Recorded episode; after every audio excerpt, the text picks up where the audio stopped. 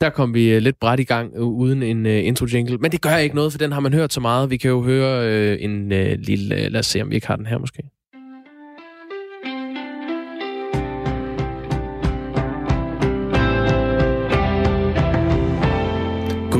Claus Elgaard, så er vi på. så er vi på, ja. Øhm, jamen altså, som vi har talt om her i løbet af morgenen, så er det jo i dag, at daginstitutionerne åbner. Og det betyder, at børn skal tilbage til børnehaven, vuggestuen og ikke mindst tilbage til deres venner. Og så skal pædagogerne omstille sig og prøve at leve op til myndighedernes anbefalinger og en ny og kan man roligt sige, anderledes hverdag. Nu skal vi ud til en af de institutioner. Det er en børnehave. Den hedder Charlottehøj. Den ligger i Hasle, og så er vi i Aarhus V.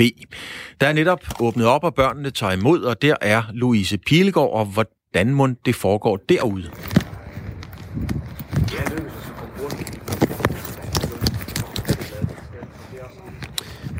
Det foregår på den måde, at øh, Louise Pilgaard øh, vist ikke kan høre os Nej, så vi prøvede lige at ramme en timing. Øh, vi har faktisk smidt en sms afsted til ind, at vi har lagt over med det, man i faget kalder en kulskovl. Det betyder, at det er så bredt, så næsten lige meget, hvor Louise starter, så rammer hun ikke fuldstændig forbi. Er det det, man kalder sådan et, et oplæg, hvordan må det går? ja, det er det. Okay. Det er sådan standby, standby til hvad som helst. nu øh, kigger jeg lige ud på vores øh, producer Anne og øh, prøver at finde ud af, hvad vi øh, stiller op. Øhm, Lad os se. Vi, øh, jeg tror, vi vender tilbage til Louise Pilgaard, fordi øh, det er sjovere, når hun kan høre, hvad vi siger. Det, så kan hun det, ligesom bedre øh, lave sit indslag. Det lyder som en meget rationel løsning. Ja, så i stedet, øh, så kan vi jo vende snuden mod øh, corona, som har sat en stopper for, øh, for mange danskers øh, ferieplaner øh, over påsken. Og nu er sommerferien kun et par måneder væk. Men der er stadig ikke meldt noget ud om, hvad danskerne skal forvente i den her tid. Øhm, I Norge har sundhedsminister Bent Høje øh, mandag anbefalede nordmændene at planlægge at holde sommerferien hjemme i Norge. Og øh, EU-kommissionens formand øh, Ursula von der Leyen, hun øh, rådede i søndagens øh, udgave af det tyske medie Bild folk til at tænke, øh, ja, vent lidt med at bestille øh, flyrejserne til sommer. Og tidligere her til morgen, der snakkede vi med øh, Hans Jørgen øh, Kolmos, der er professor i mikrobiologi ved Syddansk Universitet. Og vi spurgte ham, om danskerne egentlig kan gøre sig forhåbninger om at komme ud og rejse til sommer, og det svarede han sådan her på. Jeg tror, der vil ske det i Danmark, ligesom der er sket i Norge. Øh, vi vil formentlig få øh, nogle restriktioner af en eller anden art. Det er jo ikke særlig klogt at begynde at rejse på kryds og tværs af Europa her i sommer. Øh, der vil stadigvæk være masser af virus i omløb, og øh, hvis der er noget, der spreder virus, så er det jo netop mennesker, der rejser. Det har vi jo set meget tydeligt. Så jeg tror, vi skal indstille os på, at der vil komme nogle restriktioner, og at vi nok fortrinsvis skal nyde sommeren herhjemme i år. Hvad er sådan den, i din optik den største udfordring? Er det, at os danskere vi har fået en falsk tryghed om, at nu går det rigtig godt, øh, og tror måske, at der er kontrol over det hele? Jeg synes ikke, vi har fået en falsk tryghed. Jeg synes, øh, det har, det har været meldt meget realistisk ud. Men øh, nu kommer så det næste, og det, det kan alle jo i virkeligheden godt se, at det er ikke særlig smart at rejse på kryds og tværs. Det kan da godt være, at vi kunne tænke os at tage til Kreta, hvis Kreta er er, er coronafri, men vil vi have en, øh, en række person eller turister fra Norditalien og Spanien til Danmark for eksempel, det, det kan man jo også se det modsatte vej. Det er jo ikke kun os, der rejser sydpå, det er jo også sydeuropæere, der rejser nordpå. Øh, og så er der masser af områder i Europa, hvor vi slet ikke har styr på smittespredning på nuværende tidspunkt. Så altså, det er ikke nogen god idé at, at have folkevandringer på kryds og tværs af grænser. Lige i den her situation, der tror jeg, man skal være en, skal, man skal holde i tømmerne og være en lille smule restriktiv. Hvis vi lige kigger på, på nogle faktuelle ting, så var det jo den 13. marts, at Danmark lukkede grænserne og opfordrede alle rejsende til at vende hjem, og forløbe fraråder Udenrigsministeriet alle rejser øh, indtil den 11. maj. Men Kolmos, hvad nu, hvis man øh, er sund og rask, øh, og synes, man tænker sig godt om? Hvad er så problemet med at rejse ud, hvis man tager alle de forholdsregler, der overhovedet er skrevet ned i bogen? Jamen, der er jo sådan set ingen problemer i, øh, hvis man selv føler, at man er usårlig og sund og rask og rejser ud. Det, øh, problemet er jo bare, at det kan jo være, at man tager virus med hjem, øh, og det er jo ikke særlig smart, fordi så er vi jo tilbage i den samme situation. Det kan også være, at man får brug for sundhedsvæsenet lokalt, og øh, jeg synes ikke, vi skal stresse sundhedsvæsenerne rundt omkring i Europa med unødvendige henvendelser. Altså, det er selvfølgelig nødvendigt i hver enkelt situation, hvis man kommer på en skadestue osv., men altså, man kunne jo også lægge en dæmper på det ved simpelthen at lade være med at rejse helt så meget. Øh, Ja, jeg, vil, altså, jeg har i hvert fald for mit eget vedkommende, øh, venter jeg med at bestille rejser. Jeg indstiller mig på, at det nok bliver en sommer i Danmark fortrinsvis. Og så støtter vi også vores hjemlige turistindustri. Det er måske heller ikke så dårligt. Og hvad så, hvis man siger, øh, jamen jeg har jo haft skidtet, jeg har jo haft det, så der er ingen fare her. Jeg kan godt tage afsted. Kan man bruge den undskyldning over for nogen eller sig selv?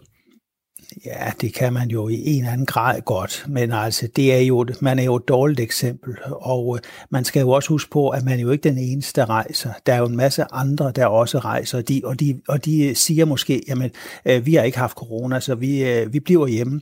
Og så er man den eneste, der sidder på et hotel et eller andet sted nede på Kreta. Det er måske heller ikke så sjovt. Hvad nu, hvis man øh, ikke øh, kan rejse til udlandet, men skal holde ferie herhjemme, ligesom det blev opfordret til i Norge og sundhedsministeren? Kan man så trykke lege et sommerhus her i Danmark eksempelvis? Øh, der kan, for det her kan der vel også være problemer med at blive smittet? Ja, men det, det vil jeg sige, det kan man fuldstændig trygt gøre. Altså, øh, man skal selvfølgelig, øh, når man er i sommerhus, overholde Sundhedsstyrelsens retningslinjer, sådan som de må være på det tidspunkt. Det kan jo godt være, at de bliver lempet lidt til sommer. Men altså, øh, de retningslinjer, som vi nu kender så godt, og som vi faktisk alle sammen er blevet ret gode til at overholde, dem skal man selvfølgelig også overholde, når man er, når man er hjemme og færdes øh, i det offentlige rum. Men øh, det, øh, det synes jeg, der ikke er noget problem. Altså, det, øh, så øh, man tager i sommerhus, og man overholder de regler, som Sundhedsstyrelsen og regeringen har udstukket, og så bliver det simpelthen også en god sommer. Det håber vi. Sådan sagde øh, Hans Jørgen Kolmos, øh, som er professor i øh, mikrobiologi ved Syddansk Universitet, da han var med her i Radio 4 morgen tidligere på morgenen. Og nu er klokken blevet 12 minutter over 8.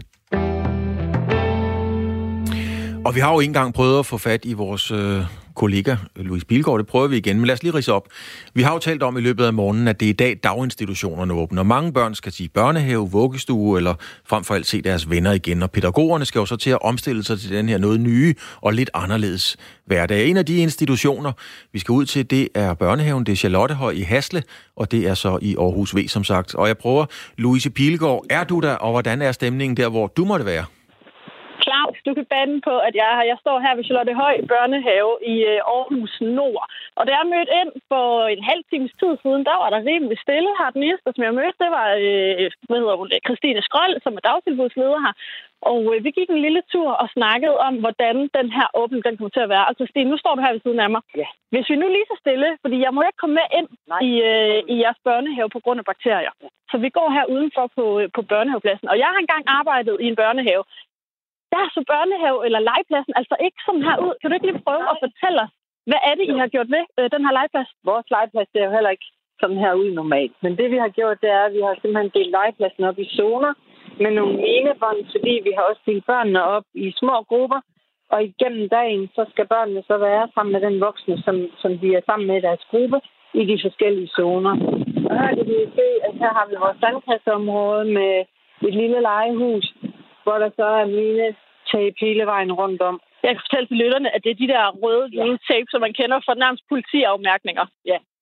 Og øh, vi tænker, at det visuelle gør også, at børn altså, hjælper med til, at, at børnene også kan se, jamen, øh, her til jeg ikke længere øh, uden en aftale med en voksen.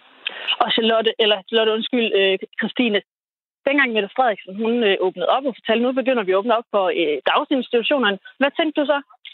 I første omgang blev jeg rigtig overrasket, øh, fordi jeg jo tænkte, at øh, små børn har svært ved at, at overholde øh, to meters afgrænsninger. Men det giver jo rigtig god mening, når man så hører, at, at forskerne siger, at små børn i virkeligheden ikke er smittebærere øh, på samme måde som voksne. Og jeg tænker, at vi skal jo have gang i vores samfund igen. Og øh, det betyder jo, at hvis vi skal have det, så betyder det, at forældrene skal have, kunne forpasse deres børn. Så det er jo første step for, at forældrene kan komme ud og passe deres arbejde. Så på den måde giver det jo god mening. Har I haft travlt herop til? Du kan tro, vi har haft travlt. Vi har arbejdet hele påsken for at få det her til at spille, så vi kan åbne i dag. Helt konkret, Christine, jeg tænker, det er noget med børnene, de skal vaske utrolig meget hænder. De må ikke lege med det samme legetøj. Helt konkret, hvordan kommer I til at løse den her opgave, som myndighederne de, de anbefaler jer? Helt konkret, så har vi gjort det i forhold til legetøj. Vi har fjernet alt det legetøj, der ikke kan vaskes. Så har vi delt legetøjet op i en formiddags- og en eftermiddagskasse. Og det legetøj, børnene leger med om formiddagen, det bliver stillet væk og vasket om eftermiddagen. Det leger med om eftermiddagen, det bliver vasket næste formiddag. Øh, børnene er jo som sagt i, i meget små grupper med en voksen, så øh, det med at vaske hænder, det er jo noget, den voksne har opmærksomhed på, og tage børnene med ind og få vasket deres hænder. De skal vaske deres hænder, inden de starter en aktivitet. De skal vaske deres hænder, når de har afsluttet en aktivitet. Det, vi har meget opmærksomhed på, det er jo ikke at være hysteriske, men faktisk øh, lære børnene at lege ind, at øh, de skal vaske deres hænder. Jeg er helt sikker på, at rigtig mange af dem allerede har det med hjemmefra her de fire uger, de har været. De har fået lidt at vide af deres ja, forældre i løbet af de sidste uger. Ja. Er det sådan, hvis jeg nu bliver hængende løbet eftermiddagen, kommer jeg så til at se dig og pædagogerne rende rundt og spritte, uh, sprit gynger af og spritte legehus af? Du kommer nok til at se uh, pædagogerne vaske uh, gynger og rutsjebaner af, uh, men, men i samme uh, omfang, som, uh, som vi vasker vores uh, legetøj. Helt her til slut, uh, Christine, jeg skal høre, er du tryg ved den her opgave? Er du tryg ved, at, at den kan I godt løse? Ja, det er jeg. Det er godt. Perfekt. Så kan jeg så sige, at uh, her i Charlottehøj Børnehave, der plejer de at have 42 børn. I uh, dag, der har de fået at vide, at der er 17 børn, som, uh, som kommer ind, og en af de børn, det er Theodor. Og jeg får også til at snakke med dig, Michael Madsen. Du er nemlig far til uh, Theodor. Ja. Michael, hvad var det for nogle overvejelser, som I gjorde jer, inden I uh, valgte at sende Theodor afsted i dag? Jamen, vi gjorde os ikke så meget. Øh, altså, et, vi havde ingen bekymringer af frygt indover. Øh, vi havde en dreng, som glædede sig til at se sine, øh, sine kammerater igen. Og, øh, og det var også noget af det, vi tænkte, det havde han brug for. Øh, og vi tænkte, at øh, med de udmeldinger, der har været fra regeringen så, så tænker vi, at så er det sikkert at sætte sit barn afsted igen. Og vi skal starte et sted, tænker jeg. Øh, vi er nødt til at starte et sted for at åbne op og, for samfundet igen, og det, øh, jeg tænker, det er et meget passende sted. Vores børn har været friske og raske, så, øh, så det var sådan set uden bekymring, vi sendte Theodor afsted af. Hvordan kan I, vi kan faktisk se Theodor der sidde og lege ind igennem vinduerne herfra. Hvordan har I forberedt Theodor på, at han skulle i børnehave, og der skulle siges farvel på en anden måde, han skal lege måske på en anden måde, han er vant til? Ja, det talte vi om øh, i går, øh, mest af alt, og vi så en video, som øh, blevet lagt ud omkring, hvordan det nu skal være at starte op øh, i børnehave igen. Og øh, den forstod han fint. Øh, og vi talte så lidt om, hvad, hvad er det så, du skal huske osv. Og, og meget af det har vi jo praktiseret hjemme med at vaske hænder og være mere opryk og komme for tæt på og lære med at holde afstand osv. Så, videre. så han, han har egentlig været godt rustet til det, der skal foregå. Øh, så det har gået rimelig nemt smerteligt, vil jeg sige. Jeg vil sige, Michael, det sidder som om, han sidder og hygger sig derinde. Tak, fordi jeg lige måtte snakke med dig. Velkommen. Det var så Louise Pilgaard, som var i børnehaven Charlottehøj, og Charlottehøj ligger i Hasle i Aarhus V. Og Jakob, nu skal jeg prøve noget, som jeg altid gerne vil. Det har jeg simpelthen aldrig prøvet før, fordi nu skal jeg sige, hvad klokken er inde i radioen, så jeg vil gøre mig rigtig umage. Klokken er 8.18. Det er rigtigt. De svenske sundhedsmyndigheder har fejlet. Det konkluderer 22 øh, svenske forskere i et øh, debatindlæg i Dagens Nyheder i går. Øh, forskerne de kritiserer blandt andet, at der i øh, Sverige dør 10 gange så mange mennesker med coronavirus som i øh, nabolandet Finland. Forskerne kræver nu politisk indblanding. De vil blandt andet have, at øh, politikerne lukker skoler og restauranter, som altså stadig er åbne i, øh, i Sverige. Nu kan vi sige godmorgen til dig, Jan Pravsgaard Christensen. Godmorgen. Godmorgen professor ved Institut for Immunologi og Mikrobiologi, oh, er de ord, på Københavns ja. Universitet. Øh, 22 øh, svenskere peger på det. Øh, er vi der, hvor man sådan endegyldigt kan sige, at de svenske myndigheder har fejlet? Ej, jeg ved ikke, om man kan sige, at øh, de svenske myndigheder har fejlet som sådan. Altså det, det er klart, at øh, det ser jo noget værre ud i Sverige, end det gør i nabolandene. Men altså, den egentlige evaluering, det kan du først lave, når det her det er øh, overstået, eller i hvert fald man har fået kontrol over det. I Sverige har man øh, blandt andet øh, valgt at holde skoler, restauranter, butikker åbne. Og mm. øh, chefen for øh, den svenske sundhedsstyrelse, Anders øh, Tegnell, han har tidligere fået kritik for øh, den her svenske tilgang. Han har på et pressemøde afvist forskernes kritik. Han har sagt, at vores sygehuse har hele tiden kunne følge med. Problemerne i ældreplejen er langvarige, og årsagerne hertil ligger langt tilbage i tiden. Så han mener altså ikke, at det er på grund af coronavirusudbruddet. Sverige har øh, 11.445 tilfælde af corona, med 915 af dem øh, som har været, eller PTR på, på intensivafdelingen. Og øh, dertil har de altså lidt over 1000 døde. Øhm, de svenske forskere her, som, som kritiserer tilgangen øh, fra de svenske myndigheder, øh, opfordrer til, at man laver tiltag som dem, vi har i Danmark. Øhm, kan man så udlede noget om, at Danmark har en bedre strategi, end, øh, end Sverige har?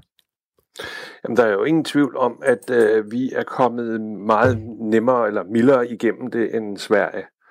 Øh, og, og det er da også klart, at, at hvis man ser på Sverige, så ligefrem slet ikke at lukke noget ned, det er nok ikke den rigtige løsning. Det havde jo nok været smart, at man havde lukket i hvert fald nogle af tingene ned i Sverige, og for eksempel isoleret de øh, sårbare grupper, ligesom vi har gjort i Danmark. Fordi det har jo helt klart vist sig at, at have en effekt her i Danmark.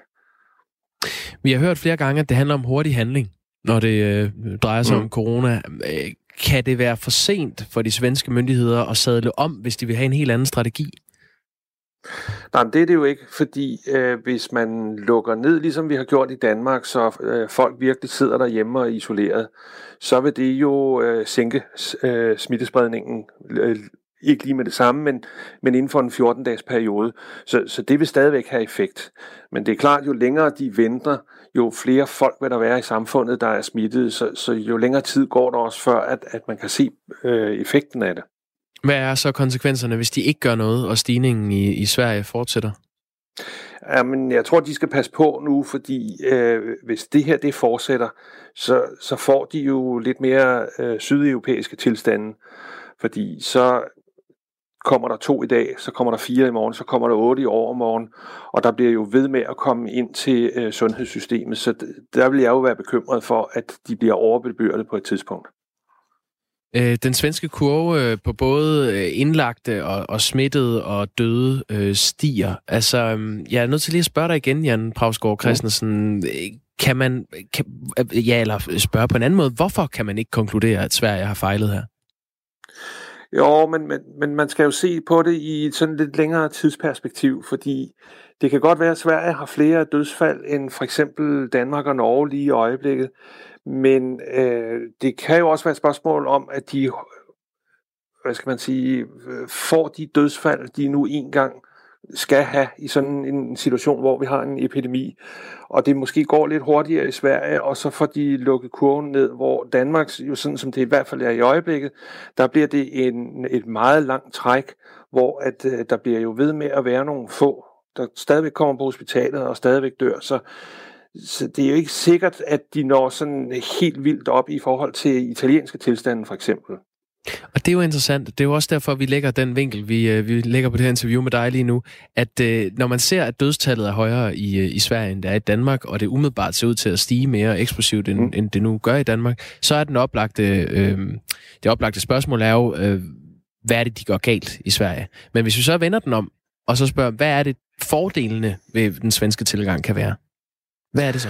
Jo, jo man kan sige, altså den, den svenske industri og så videre, det, den lider jo ikke på samme måde som den danske, fordi de har jo meget af deres produktion og jamen, folk går stadigvæk på arbejde og så videre, hvor at vores økonomi, den har jo fået et ordentligt hug ved, at det hele står stille i øjeblikket. Så, så der kan man sige, øh, der sparer de jo nogle penge lige i øjeblikket i forhold til Danmark. Øhm, og, og jeg ved ikke, om det er hans strategi. Det, det, det, han er jo trods alt ikke politiker, men altså, det gør det jo billigere for Sverige, end det gør det for Danmark. Og i og med, at vi bliver ved med at have restriktioner i en relativt lang tid, selvom vi jo nu er gået i gang med at åbne nogle af tingene op, jamen, så kommer det her jo til at koste det danske samfund en, en betragtelig øh, pose penge. Mm. Hvornår øh, vil du som, øh, som professor ved Institut for Immunologi og Mikrobiologi kunne, konkludere noget mere nalfast om det her? Jamen, jeg tror, vi skal lidt længere hen, for jeg, jeg tror, vi skal hen, hvor at øh, hvor man ligesom har fået kontrol over infektionen i både Danmark, Norge Sverige, hvis det nu er dem, man skal sammenligne, og så ligesom øh, øh, gøre boet op, når man er færdig med at have infektionen, når den første bølge her er overstået. Så det, det bliver først der, at man kan begynde at vurdere, hvad for nogle strategier har virket, og, og hvem har været mere effektive end andre. Og det tror jeg også er noget af det, sundhedsmyndighederne vil gøre her i Danmark, når, når vi nu kommer lidt længere hen, og så se på, hvad, hvad er det for en strategi, der, der ser ud som om den har virket, også hensyn til, hvis vi får en øh, bølge nummer to. Det sagde du, Jan Pravsgaard Christensen, professor ved Institut for Immunologi og Mikrobiologi på Københavns Universitet. Tak fordi du var med. Velbekomme. Vil du sige, hvad klokken er igen, Claus? Klokken er 8.24. Det var anden gang, du havde sagt det i radioen. Jamen, og den skifter hele tiden. ja, i dag er jo dagen, og det har vi sagt nogle gange, hvor der forsigtigt, kontrolleret, gradvist, der er mange øh, tillægsord til det, øh, bliver sat en genåbning i gang af det danske samfund. Og det har vi talt en del om. Det betyder, at vuggestuer, børnehaver og 0. til 5. klasser åbner til en, øh, skal tilbage til en noget anden hverdag. Så har vi jo sendt nogle reporter ud. Vi har hørt Louise Pilgaard, som var i Aarhus V. Og vi har også sendt dig ud, Christian Magnus. Øh, ja, her snart halv ni siger man vel ikke godmorgen. Men Christian, kan du ikke lige rise op, hvor du står og hvordan det går? Jo, men altså skolen øh, på Amagerbro her i, øh, i København, der er øh, den store logistiske øvelse, som det jo er, når øh, 0. Til 5. klasse, de øh, i dag har første, første skoledag, sådan øh, post-corona øh, på dag 0. Øhm, og alle, altså skolegården er tom nu. Øh, alle børn har, ja, går jeg ud fra, fundet deres, øh, deres klasselokale. Og det er altså en større, øh, større manøvre, man ligesom har været ude i. Øh, alle klasser fra 0. til 5. klasse, som altså er startet her på skolen på Amagerbro i dag, de er blevet delt op i to grupper. Øh, og det betyder blandt andet, at øh, de tre 0. klasser, som går her på skolen, de er blevet til seks grupper. Øh, det er så de grupper, man skal være i forløbet frem til 10. maj. Øhm, og her, da, da forældrene ligesom kom med deres, deres unge, håbefulde unge mennesker, der kunne man måske godt have forventet, at øh, oven på sådan øh, mere end en måned, hvor man har, har siddet lårene lidt af sine forældre, der kunne det godt være, at det var lidt svært at, at sige farvel til mor og far. Øhm, det var bestemt ikke sådan det forløb her på skolen på Amagerbro i hvert fald.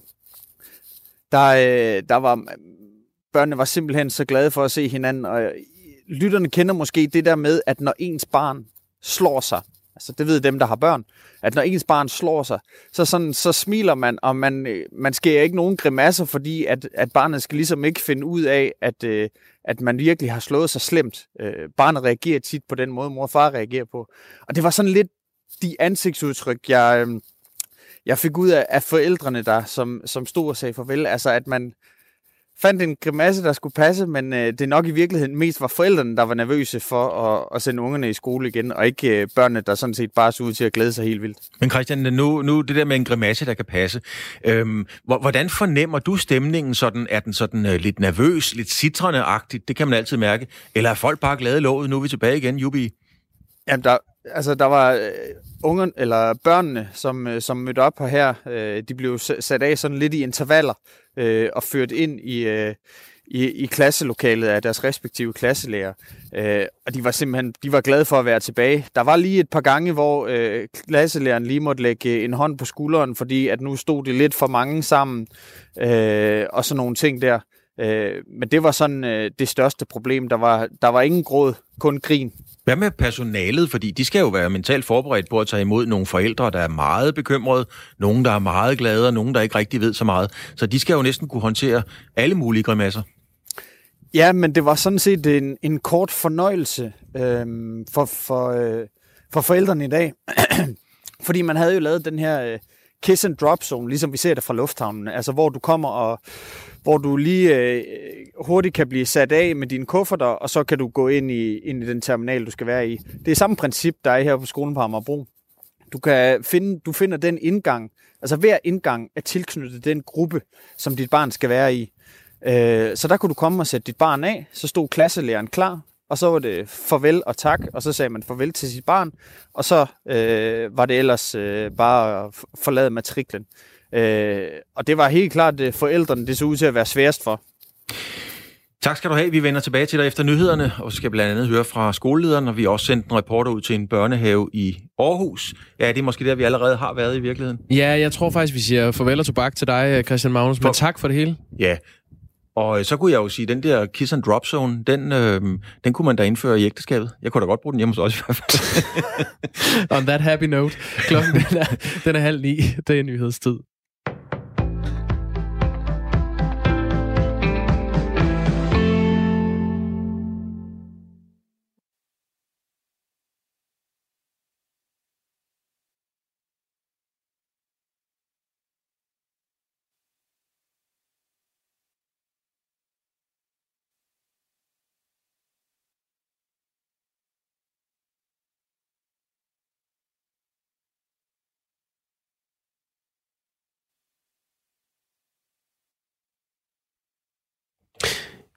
Her går vi lige på igen, Claus Elgaard, fordi øh, vores nyhedsvært, der, der er ikke hul igennem til, øh, til ham lige nu. Så øh, ja, den er jo, øh, det kan vi ikke gøre så meget ved lige nu, men Det jeg kan fortælle, at der bliver i hvert fald arbejdet seriøst på det, men øh, et eller andet gik galt.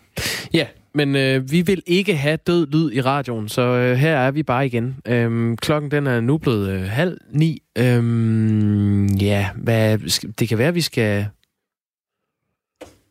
Det kan være, at vi skal simpelthen øh, gå på noget indhold her, så må vi, øh, så må vi se, om øh, der er hul igennem til vores kære nyhedsvært, Thomas Sand. Nyhedsverden er klar. Hej Thomas, du er Hej, der. hej. Ved du Ja. hvad, så take it away. Tak.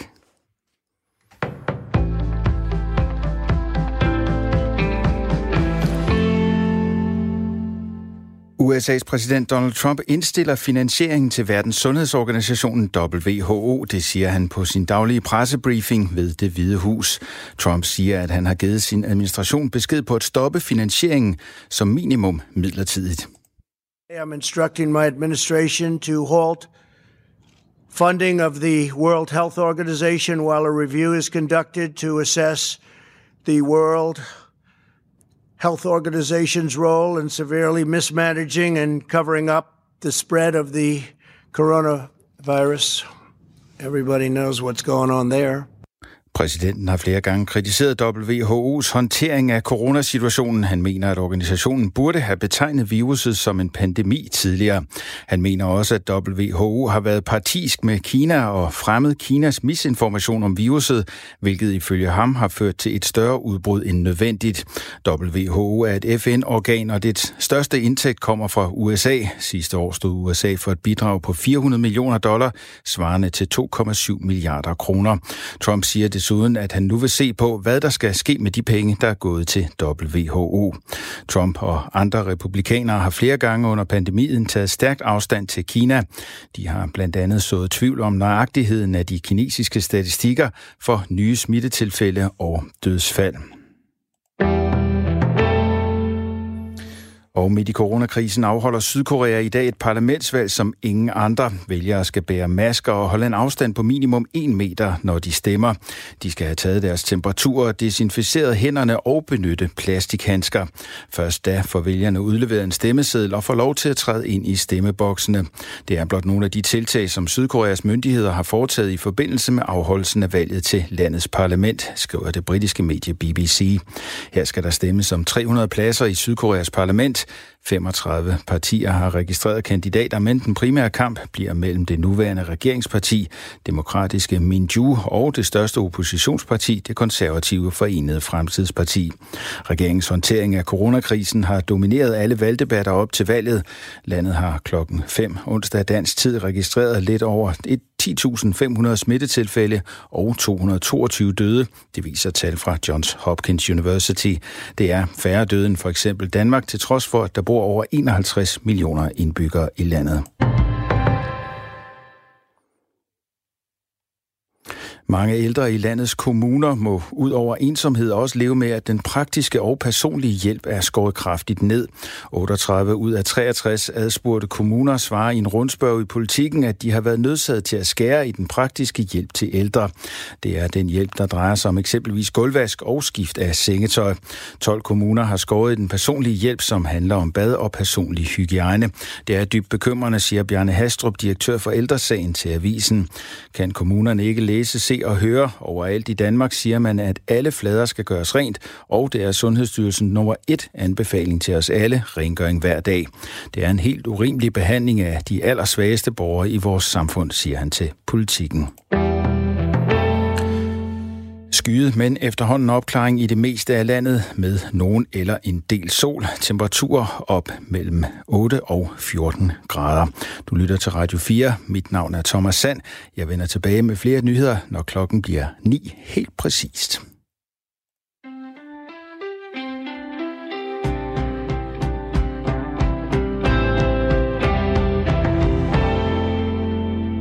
Today, I'm instructing my administration to halt funding of the World Health Organization while a review is conducted to assess the world I dag har jeg bedt min administration om at indstille vores økonomiske bidrag til Verdenssundhedsorganisationen WHO, mens organisationernes rolle i håndteringen af spredningen af coronavirus undersøges. Alle ved, hvad der foregår der. Amerikanske skatteydere bidrager med mellem 400 og 500 millioner dollars om året. I modsætning til det bidrager Kina med omkring 40 millioner dollar øh, om året til WHO. Sådan lød det i nat dansk tid, hvor øh, præsident Donald Trump holdt sin øh, daglige pressebriefing ved det hvide hus. Øh, på den her pressebriefing, der annoncerede Donald Trump nemlig, at USA nøje overvejer at indstille sit økonomiske bidrag til netop Verdenssundhedsorganisationen WHO. Godmorgen, Lars Tove Larsen. Godmorgen. Lektor ved Institut for Statskundskab på Aarhus Universitet, hvor du blandt andet beskæftiger dig med sundhedspolitik. Hvorfor tror Donald Trump pludselig WHO midt i en international pandemi?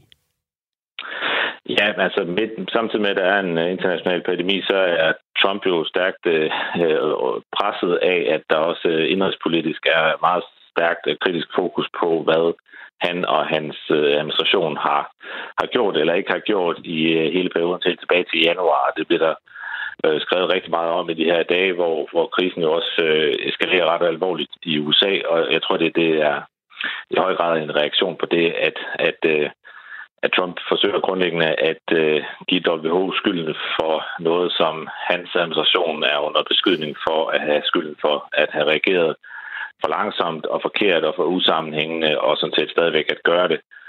Øh, så, så jeg tror, at det, det i høj grad er, er, er det. Og, og så har han jo også i, i lang tid været meget ivrig for at fortælle os, at det var en, en Kina-virus, eller en noget, der kommer fra Kina, og det vil sige, at, at hvis man sådan kan øh, rette skytset mod øh, Kina, eller en eller anden øh, og sådan op, op, opstyltet øh, sammensværgelse mellem Kina og WHO, så, så vil det jo ligesom tjene hans indrigspolitiske øh, ambitioner. Så det giver øh, Donald Trump en at, at kaste under bussen i virkeligheden?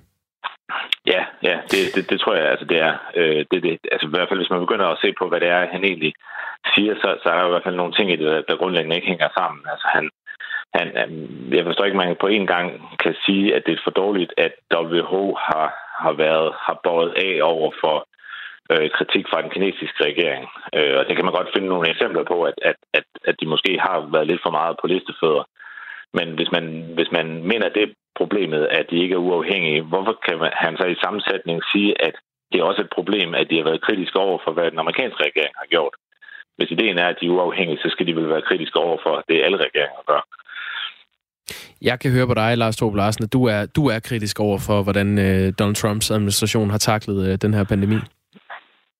Ja, altså der, der er masser af eksempler på, at, at øh, der er øh, rådgivere, også i den amerikanske administration selv, øh, og CIA og andre, der, der, der siden januar har, sådan, har forsøgt at, at, at, at, at tale alvoren af det her op, øh, og det har, har man så forsøgt at, at, at lægge lov på. Øhm, og, og det er selvfølgelig ikke, i store internationale billeder er det måske ikke så usædvanligt, at, at de fleste lande har jo nok brugt noget tid på at, at, at indse, hvor alvorligt øh, det her var. Øh, øh, men, men altså, der, jeg synes, det, det er ret gennemskueligt, at, at det, som Trump har gang i nu, det er at forsøge på at sige, at, at, øh, at, at WHO har skylden for, at at den her øh, virus overhovedet kom ud af Kina, fordi at han, han, hans administration tidligere var gang i nogle rejserestriktioner, men der er ikke rigtig noget, der tyder på, at det reelt ville kunne have kunnet øh, stoppe øh, den her øh, virus, øh, meget bekendt. WHO, det er et øh, FN-organ, som har eksisteret ja. siden øh, 1948, og øh, det er sat i verden for at håndtere international sundhed og spiller blandt andet en rolle i, i håndteringen af de her globale sundhedskriser, som for eksempel øh, coronapandemien. Og øh, hvis man kigger på de amerikanske tal, så øh, er der flere end 25.000 mennesker døde som, øh, som følge af eller med coronavirus, mens over 600.000 er registreret som smittet med, øh, med viruset. Øh, hvad betyder det for, for WHO, hvis øh, USA trækker sin øh, økonomiske støtte? Det tror jeg da bestemt er alvorligt. For det første tror jeg, at, at lige nu har de jo formodentlig brug for, for hver øh, en krone, de kan få. Øh, de, det tror de er ret meget øh, at lave lige for tiden, fordi de har også alle mulige andre indsatser i forhold til øh, malaria eller andre ting i resten af verden, som heller ikke er, er gået væk bare på grund af det her.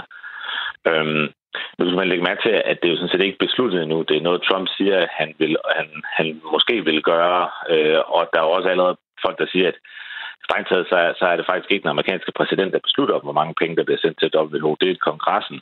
Men han har da formodentlig muligheden for sådan midlertidigt at indefryse pengene. Men man kan sagtens frygte måske, at, at det kunne få andre politikere og statsledere rundt omkring i verden til at gøre det samme. Øhm, fordi han er nok ikke den eneste, der kunne have, have behov for at give nogle andre skyld øh, i den her situation, fordi det, det er jo en vanskelig øh, krise, og der, der er sikkert der er begået masser af fejl. Øh, så hvis man kan give nogle andre skylden for det, og samtidig spare nogle penge. Øh, så det kan selvfølgelig være meget alvorligt, men, men altså, det er så ikke første gang, at USA har truet med at trække støtten fra økonomisk støtte til forskellige FN-organer, men ikke gjort det alligevel. Nej, men, men øh, nu åbner du selv op for den, altså om det her det kunne inspirere andre verdensledere til at, øh, at øh, ja, få et behov for at markere sig på lignende vis tro med at, at trække støtten, eller måske endda gøre det til, øh, til WHO. Hvilke konsekvenser vil det have? Jamen, det er alvorlige konsekvenser for deres mulighed for at, at, at lave det her arbejde, men det er selvfølgelig også for den legitimitet, som, som WHO har. Øhm, hvad hedder det, så selvom at, at, at det er måske vigtigt at understrege, at, at der er nogle, nogle, nogle situationer, hvor man godt kan, kan kritisere WHO for at have, have båret af over for, for, for den kinesiske regering. Der har været nogle, nogle komplicerede situationer omkring Taiwan og andet, men der var ikke rigtig noget, der peger på, at det er det, der, det er det der skyld i den her krise. Vel? Øhm, men, men altså, det, det tror jeg da bestemt kan, kan være alvorligt. Man kan også sagtens forestille sig måske, at der var nogle lande, der ville reagere omvendt der vil sige, at lige nu er faktisk lige præcis tidspunktet, hvor vi har særligt behov for WHO, og, øh, og derfor vil øh, insistere på at holde fast i bidragene. Lars Torb Larsen, øh, lektor ved Institut for Statskundskab på Aarhus Universitet. Øh, der sker altid noget sælsomt, når vi øh, taler om Trump her i Radio 4. Øhm, og det er, at vi får en masse sms'er Altså, vi skal nærmest bare sige Donald Trump, så vælter det ind. Og øh, jeg vil læse nogle af dem op for at honorere, at vi øh, har modtaget dem. Øh, bla bla bla, klassisk rød anti-Trump-journalistik, venlig hilsen Erik. Så Trump hader kanalen i gang igen, det er Tommy. Og en anden Tommy skriver, tænker, I burde lytte til en ganske udmærket udsendelse på Radio 4 om WHO. Det er nogle af vores kollegaer, der har lavet den. Øh, nu er jeg spændt på, hvem lyver. Er det jeres kollegaer? Øh, og så står der, CIA, CIA bør sandelig også have et øje på ham, I har igennem nu. Han lyder som en rigtig kinesisk lejesvend. Er du en øh, kinesisk lejesvend, Lars Torb Larsen? Nej, bestemt ikke. Jeg synes også lige for et øjeblik sige, siden jeg sagde, at øh, der er også bestemt der grund til at, at være kritisk over, øh, over for øh, WHO's øh, hvad hedder det, bøjen af over, over for Kina. Men, men der, jeg mener bare ikke, der er noget, der peger på, at det, øh, at det, det er det der årsagen til problemerne i USA det, det er den ansvarsforflygtelse, som jeg mener, man ikke kan øh, komme ud om, at det her det handler om. Tak for det, Lars Torb Larsen, lektor ved Institut for øh, Statskundskab på Aarhus Universitet. Og øh, god dag. Tak. Claus Elgaard, du er blevet helt vild med at sige, hvad klokken er. Klokken er 8.43.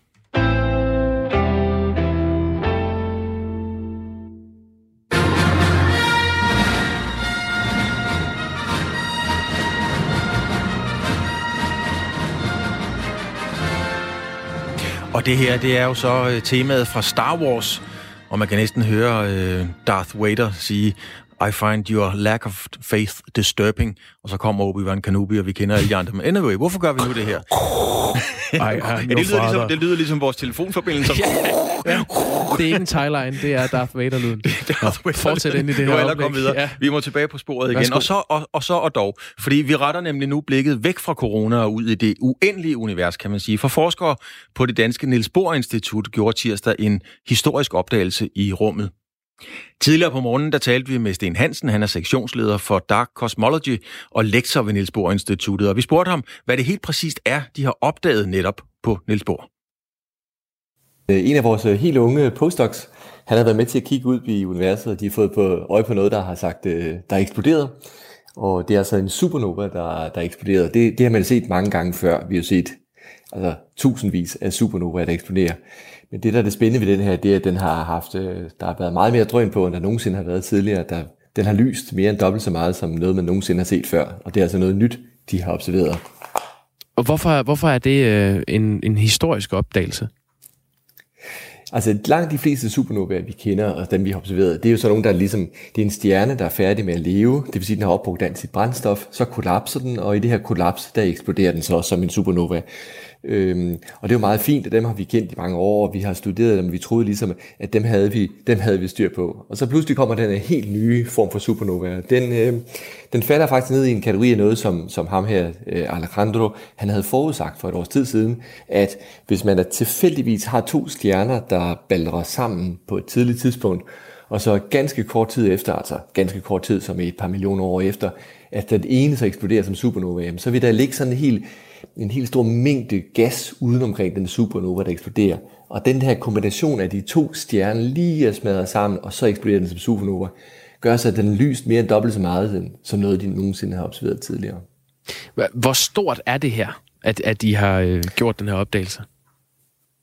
Altså, for det første er det selvfølgelig stort for Alejandro i sig selv, men altså, jeg synes, jeg synes, det, jeg synes det er meget spændende, fordi at, altså, de sidste mange år, hvor vi har studeret de her supernovaer, øh, der har vi ligesom ment, at øh, kassen var lukket, vi havde slået de sidste søm i ligekisten, vi vidste alt, hvad der var at komme efter, og pludselig har han nu kommet og flået låget af og sagt, hov, I glemte hele den, det hjørne hernede, I glemte alt der, hvor der skete noget spændende, og det vil sige, nu er de faktisk gået tilbage. Jeg ved, jeg talte med Alejandro i, i går aftes, han sad lige nu og studerede nogle gamle observationer. Man havde nogle, nogle, observer, nogle observerede supernovaer, der ligger meget langt væk, fordi de opfører sig på en lidt underlig måde.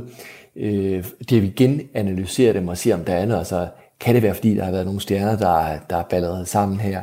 En af de ting, der blandt andet er specielt ved den her, er, at en supernova, ligesom du ved, at øh, Kepler supernova der i 1600-tallet, eller vores egen Tycho Brahe observerede også en supernova der fra 1500 eller andet.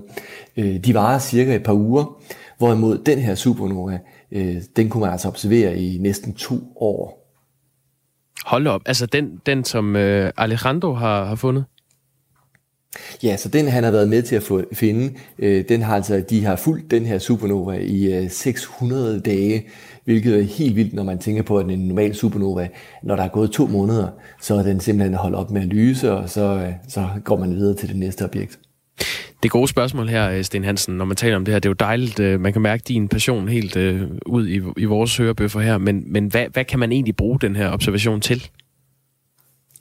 Ja, øh, altså det er jo selvfølgelig interessant, at der er nogle kemiske elementer, der bliver skabt. For eksempel så ved vi, at mange af de tunge elementer, noget af det, vi har brug for øh, her på jorden, øh, til, til noget af vores forskellige kemi, og også noget af det, vi har brug for i kroppen, jamen, det er elementer, der bliver skabt i supernovaer. Det vil sige, at vi ville ikke eksistere, hvis der ikke havde været supernovaer. Så det er jo det er i sig selv interessant nok for os at vide, at vores eksistens øh, kun er her på grund af dem, eller også er her på grund af det. Men øh, jeg tror egentlig, det større billede, det er, at at det er sådan lidt filosofisk, det vi har med at gøre. Vi vil gerne forstå vores, vores verden, vi vil gerne forstå, hvordan det hele hænger sammen, og så må man vælge sin, øh, sin tilgang til det. Man kan forstå det ved at måske gå i kirker, man kan forstå det ved at studere de her supernovaer. Det er jo det er fuldstændig op til folk selv at vælge, hvad, hvilken, ting, hvilken måde de vil bruge deres, øh, deres onsdag på. Lad os blive sådan lidt i det filosofiske overdrev. Det er jo blevet sagt, at universet er et, et, et pengeskab med en kombination, men kombinationen er låst inde i pengeskabet. Øh, har I fået brudt koden? Er I blevet markant klogere på, hvad der egentlig foregår? Nej, der er så mange ting, der sker i, i universet, som vi faktisk ikke rigtig forstår. Hvis du kigger på, at vi forstår vores jord, vi forstår vores sol, men, øh, men det, er kun, det udgør faktisk kun 5% af hele universet. Vi ved, der er noget, der hedder mørkt stof, som, øh, som er nogle partikler, en ny partikel, og vi ved, det er der. Vi har målt det så mange forskellige steder, og der er fem gange så meget af det. Det vil sige, at hver gang du har en stjerne, jamen så må der være noget ekstra materiale, der vejer fem gange så meget. Og det ved vi ikke, hvad er. Og desuden har vi målt, at universets udvidelse, den bliver hurtigere og hurtigere. Det vil sige, hvis du måler hvor hurtigt universets udvidelse i dag, og du venter og måler det samme i morgen, så ser du også en større hastighed. Og det forstår vi dybest set ikke, hvorfor det sker. Så der er en, der er en masse meget store spørgsmål omkring øh, hvor det univers, vi lever i, som vi dybest set ikke forstår. Men den her nye opdagelse, jeg har gjort, den giver altså grund til at gå tilbage og kigge på tidligere opdagelser, og så kan den kaste nyt lys over den. Er det sådan, man skal forstå det? Ja, så altså, når, man, når man arbejder inden for supernova og gerne vil forstå, hvordan øh, de her, øh, hvordan de her eksplosioner de foregår, jamen så, øh, så det, det her det giver et, et, et, øh, et håndtag til at studere, hvad der sker, når du har stjerner, der, der merger, eller stjerner, der balrer sammen. Øh, man ved jo, at der er et vist antal supernova hele tiden, og man ved, man forventer, fordi vi ser mange dobbeltstjernesystemer, man forventer også, at de skal balre sammen en gang imellem. Og nu giver det så en, en ny måde at studere den her øh, rate, hvormed at øh, stjernerne bælter sammen. Det sagde altså Sten Hansen, som er sektionsleder for Dark Cosmology og øh, lektor ved Niels Bohr Instituttet, hvor de har observeret en, øh, en ny supernova. Øhm, og det sagde han altså tidligere, da han var med i, øh, her i Radio 4 morgen. Øhm, vi har fået endnu en sms, Claus. Det er fra Ivan. Ivan, han, øh, han plejer at skrive ind, han er enormt øh, venlig, han plejer at skrive ind, øh, at han godt kan lide programmet, men han hader, hader, hader vores jingler. jeg er ikke glad for dem. Øh, Ivan, han skriver, øhm, det er sgu fint, at Claus er glad for at lære klokken, men drop nu de larmende jingler. Ivan? Nej, det er bare for sjov. Tak for sms'en. I løbet af morgenen har vi besøgt både børnehaver og vuggestuer, og nogle af de institutioner, der sammen med folkeskolernes 0-5. klasse åbner i dag, er en del af den gradvise og kontrollerede genåbning af det danske samfund. Men der er fortsat en stor del af det danske samfund, der er sat på standby, Øh, og nogle af dem, der stadig står i startboksen, men som er klar til at komme tilbage til hverdagen, det er efterskolerne. Og derfor kan jeg sige godmorgen til Torben Vind Rasmussen, formand for de danske efterskoler. Torben Vind Rasmussen, du har sagt til Avisen Danmark, at efterskolerne er et perfekt sted at genåbne samfundet på en kontrolleret måde. Det var et citat. Hvorfor er det sådan, det hænger sammen? Jamen, efterskolerne øh, har mulighed for øh, at skabe en, en hverdag, ikke hvor der kun er 10 sammen, men hvor det måske er 100 eller 150 sammen. Til gengæld så er de sammen øh, i, øh, lad os sige, når de kommer tilbage 14 dage, øh, hvor de øh, kan være isoleret, hvor vi kan undgå, at de kommer øh, ud i byen. Øh, og når vi nu skal åbne Danmark op, så mener vi faktisk, at efterskolerne er et godt sted øh, i de rammer øh, og, og, og, og starte op.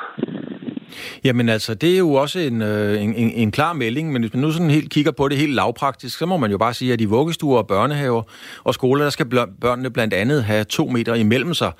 På efterskoler, der bor og sover eleverne sammen. Hvordan kan det overhovedet lade sig gøre at få det til at fungere samtidig med, at man overholder corona-retningslinjerne? Jamen, jeg tror, at øh, det er vigtigt, at sundhedsmyndighederne og efterskolerne sætter sig sammen øh, og så siger, vi skal ikke diktere, hvad sundhedsmyndighederne mener omkring retningslinjerne. Men vi skal gå ind og se, kan man øh, uden den store smittespredning, kan man på efterskolerne, som er, er et andet minisamfund, kan man der skabe en hverdag og en tilværelse, som faktisk overholder øh, de retningslinjer, der ligger lige nu. Vi har med unge at gøre, der er 16 år, og ikke øh, to eller fire eller seks år, som det er i vuggestuer i børnehaver. Det betyder, at de faktisk både er refleksive og selvtænkende, og, og, og det skaber dog en mulighed for, at, øh, at de selv kan være med til øh, at gå en hverdag i møde, øh, som er kontrolleret, som er behersket, men dog en hverdag. Øh, Torben Vind Rasmussen, øh, hvad med personalet egentlig? Hvor er de henne i den kabale? Altså hvis, øh, hvis man nærmest kan lave en isolationszone på, på efterskolerne, hvor eleverne så kan være i, i 14 dage, hvad så med personalet? Jeg ikke, at vi skal lave isolationszoner. Vi skal ikke lave sådan nogle øh, omvandrende smitte øh, øh karantæneøer. øh, øer. Øh, selvfølgelig så skal, øh, hvis der er sygdom på skolen, ligesom hvis der er sygdom i en vuggestue, så skal øh, de pågældende børn hjem. Og det betyder jo, at det personale, der skal tilbage på arbejde, de faktisk vil få nogle af de samme vilkår at arbejde under, som det personale, øh, der nu er gået i gang på vuggestuer, hvor man jo skal skifte børn, og i børnehaver, hvor man skal trøste børn, og i skoler, hvor man skal vejlede børn. Så jeg tror, at, at øh, det handler om at få skabt de rette øh, vilkår, også for personalet, så, så tror jeg, at personalet jo kan gå en, øh, en, en mere almindelig hverdag i møde, hvorimod eleverne jo kommer, kommer til at være tættere på hinanden, end, end de er i dag. Torben Vind Rasmussen, jeg er nødt til lige at vende tilbage til det, du svarede før, øh, da, da vi talte om de retningslinjer, der er for børnehaver og vuggestuer. Øh, hørte jeg dig sådan sige, at, øh, eller fornemmede jeg, at I sådan på en måde grædbøjer, grædbøjer de der retningslinjer, som er udstukket for sundhedsmyndighederne? Og er det ikke et skråplan i forhold til nogle unge mennesker, som I lærer, at de skal jo gøre, hvad samfundet siger? Og, og det så hørte du forkert. Altså, vi, øh, det er en sundhedsmyndighedsvurdering, der afgør, om efterskolerne kommer tilbage eller ej. Punktum. Og der tror jeg ikke, vi kan, kan gå ind polemisk øh, og være med til at påvirke det. Det er deres vurdering. Men sundhedsmyndighederne har brug for, tror jeg, at se på, hvad er efterskolen for en størrelse.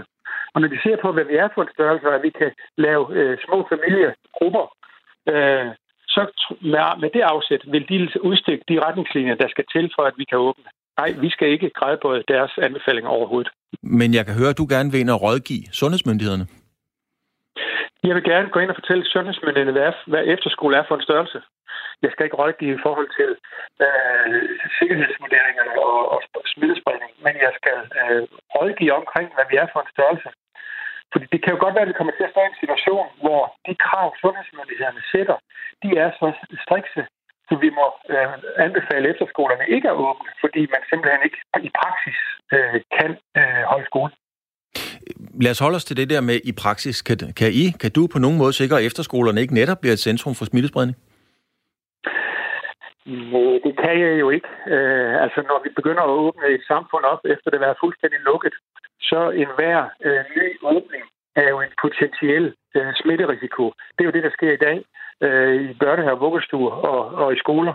Og der er det bare, jeg siger, at øh, vi er den eneste grundskoleform, som slet ikke øh, i dag øh, arbejder på en åbning, som er fuldstændig lukket, øh, øh, også fremadrettet. Og der vil vi faktisk gerne gå med ind og tage det ansvar, at når vi åbner Danmark op, så er efterskolen også en del af den åbning. Øh, så, så ja, vi er også en potentiel, potentiel øh, smitterisiko, ligesom øh, alle de andre institutioner er. Det at gå på efterskole handler jo i høj grad om at være sammen, og der bliver udviklet de tætteste venskaber, som ofte varer resten af livet. Og det er lige så vigtigt som at lære, at Budapest er hovedstaden i et eller andet land. Men var det nu ikke bedre at sige, okay, nu sikrer vi altså elevernes sundhed, mod, og, og, og så når coronaen er overstået, så vender vi tilbage til virkeligheden. Nu er vi bare nødt til at holde eleverne hjemme. Ja, hvis du kan komme med en præcis dato på, hvornår corona, coronaen er overstået, Øh, altså, der, vi hører jo på den måde alt muligt. Øh, der er dele af samfundet, der er lukket indtil udgangen af august. Men det bliver jo ikke mindre, Torben Vind, Torben Vind, det bliver jo ikke mindre farligt, at jeg ikke kan komme med en konkret dato. Nej, men, men, men der er jo to veje at gå i det her. Den ene vej, det er, at vi holder øh, alting lukket inde, indtil der kommer en vaccine. Øh, og det kan måske gå et år med. Og den anden vej, det er at sige, at vi må træde nye stier, som vi ikke har betrådt før. Øh, og det er det, at samfundet har valgt, politikerne har valgt ved, at man åbner børnehaven op i dag. Øh, hvis man skulle øh, isolere Danmark indtil en vaccine var der, så havde vi jo stadigvæk siddet inde i vores små huse. Så var der sket nogle andre øh, økonomiske og andre øh, skader på det.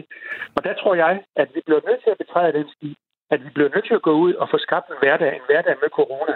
Og hvordan kan efterskolerne gøre det? Øh, det vil vi gerne i dialog om, og det er det, der tegner sig et, et flertal for, at vi måske kan komme i dialog om. Og sådan sagde altså Torben Vind Rasmussen, formand for efterskolerne. Tak skal du have. Velkommen. Vi har fået en sms mere, øh, Claus. I må rigtig gerne afslutte programmet med musik af Joe Exotic.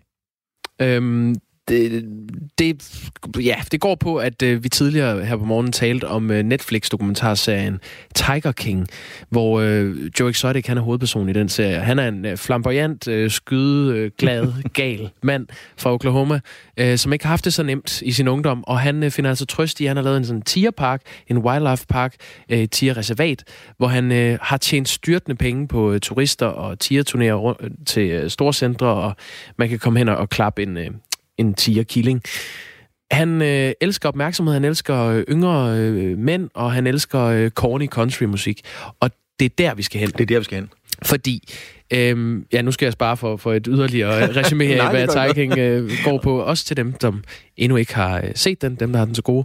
Øh, gå ind og se den, hvis I har en Netflix-konto. Det er virkelig øh, vanvittigt fjernsyn. Øh, Joe Exotic her, han, øh, han har nogle musikvideoer til noget musik, som han har fået et øh, orkester, et countryorkester, der hedder The Clinton Johnson Band, til at, øh, at lave for ham. Og så mimer han så til de her numre, som om han selv synger dem. Og det fremgår faktisk ikke af dokumentarserien, at det ikke er ham selv, der synger. Men det er det ikke. Det er kommet frem efterfølgende. Øhm, grunden til, at vi snakker om Joe Exotic og hans musik, det er, at øh, hans musik særligt piker i Danmark. Det bliver særligt meget streamet i Danmark her efter øh, lanceringen af Tiger King på Netflix. Og det vil vi gerne honorere. Så nu har vi lige lidt over et minut. Lad os bare høre det. Det hedder uh, I Saw a Tiger, og det er altså Joe Exotic, hans musik. Og uh, med det vil vi sige uh, tak for en god morgen. Selv tak.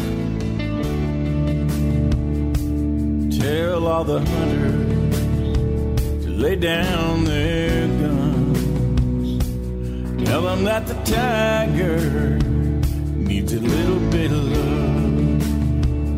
Let them run the jungle, let them roam their land. Then stand back and marvel, what a beautiful cat. Cause I saw a tiger, now I understand. Well, I saw a tiger, tiger saw. Give them a home.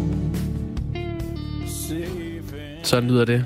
Joe Exotic. Eller det er jo ikke ham, der synger. Men øh, det ligger stadig det ligger inde på Spotify. Nu er klokken blevet ni, og det er Thomas Sands tur.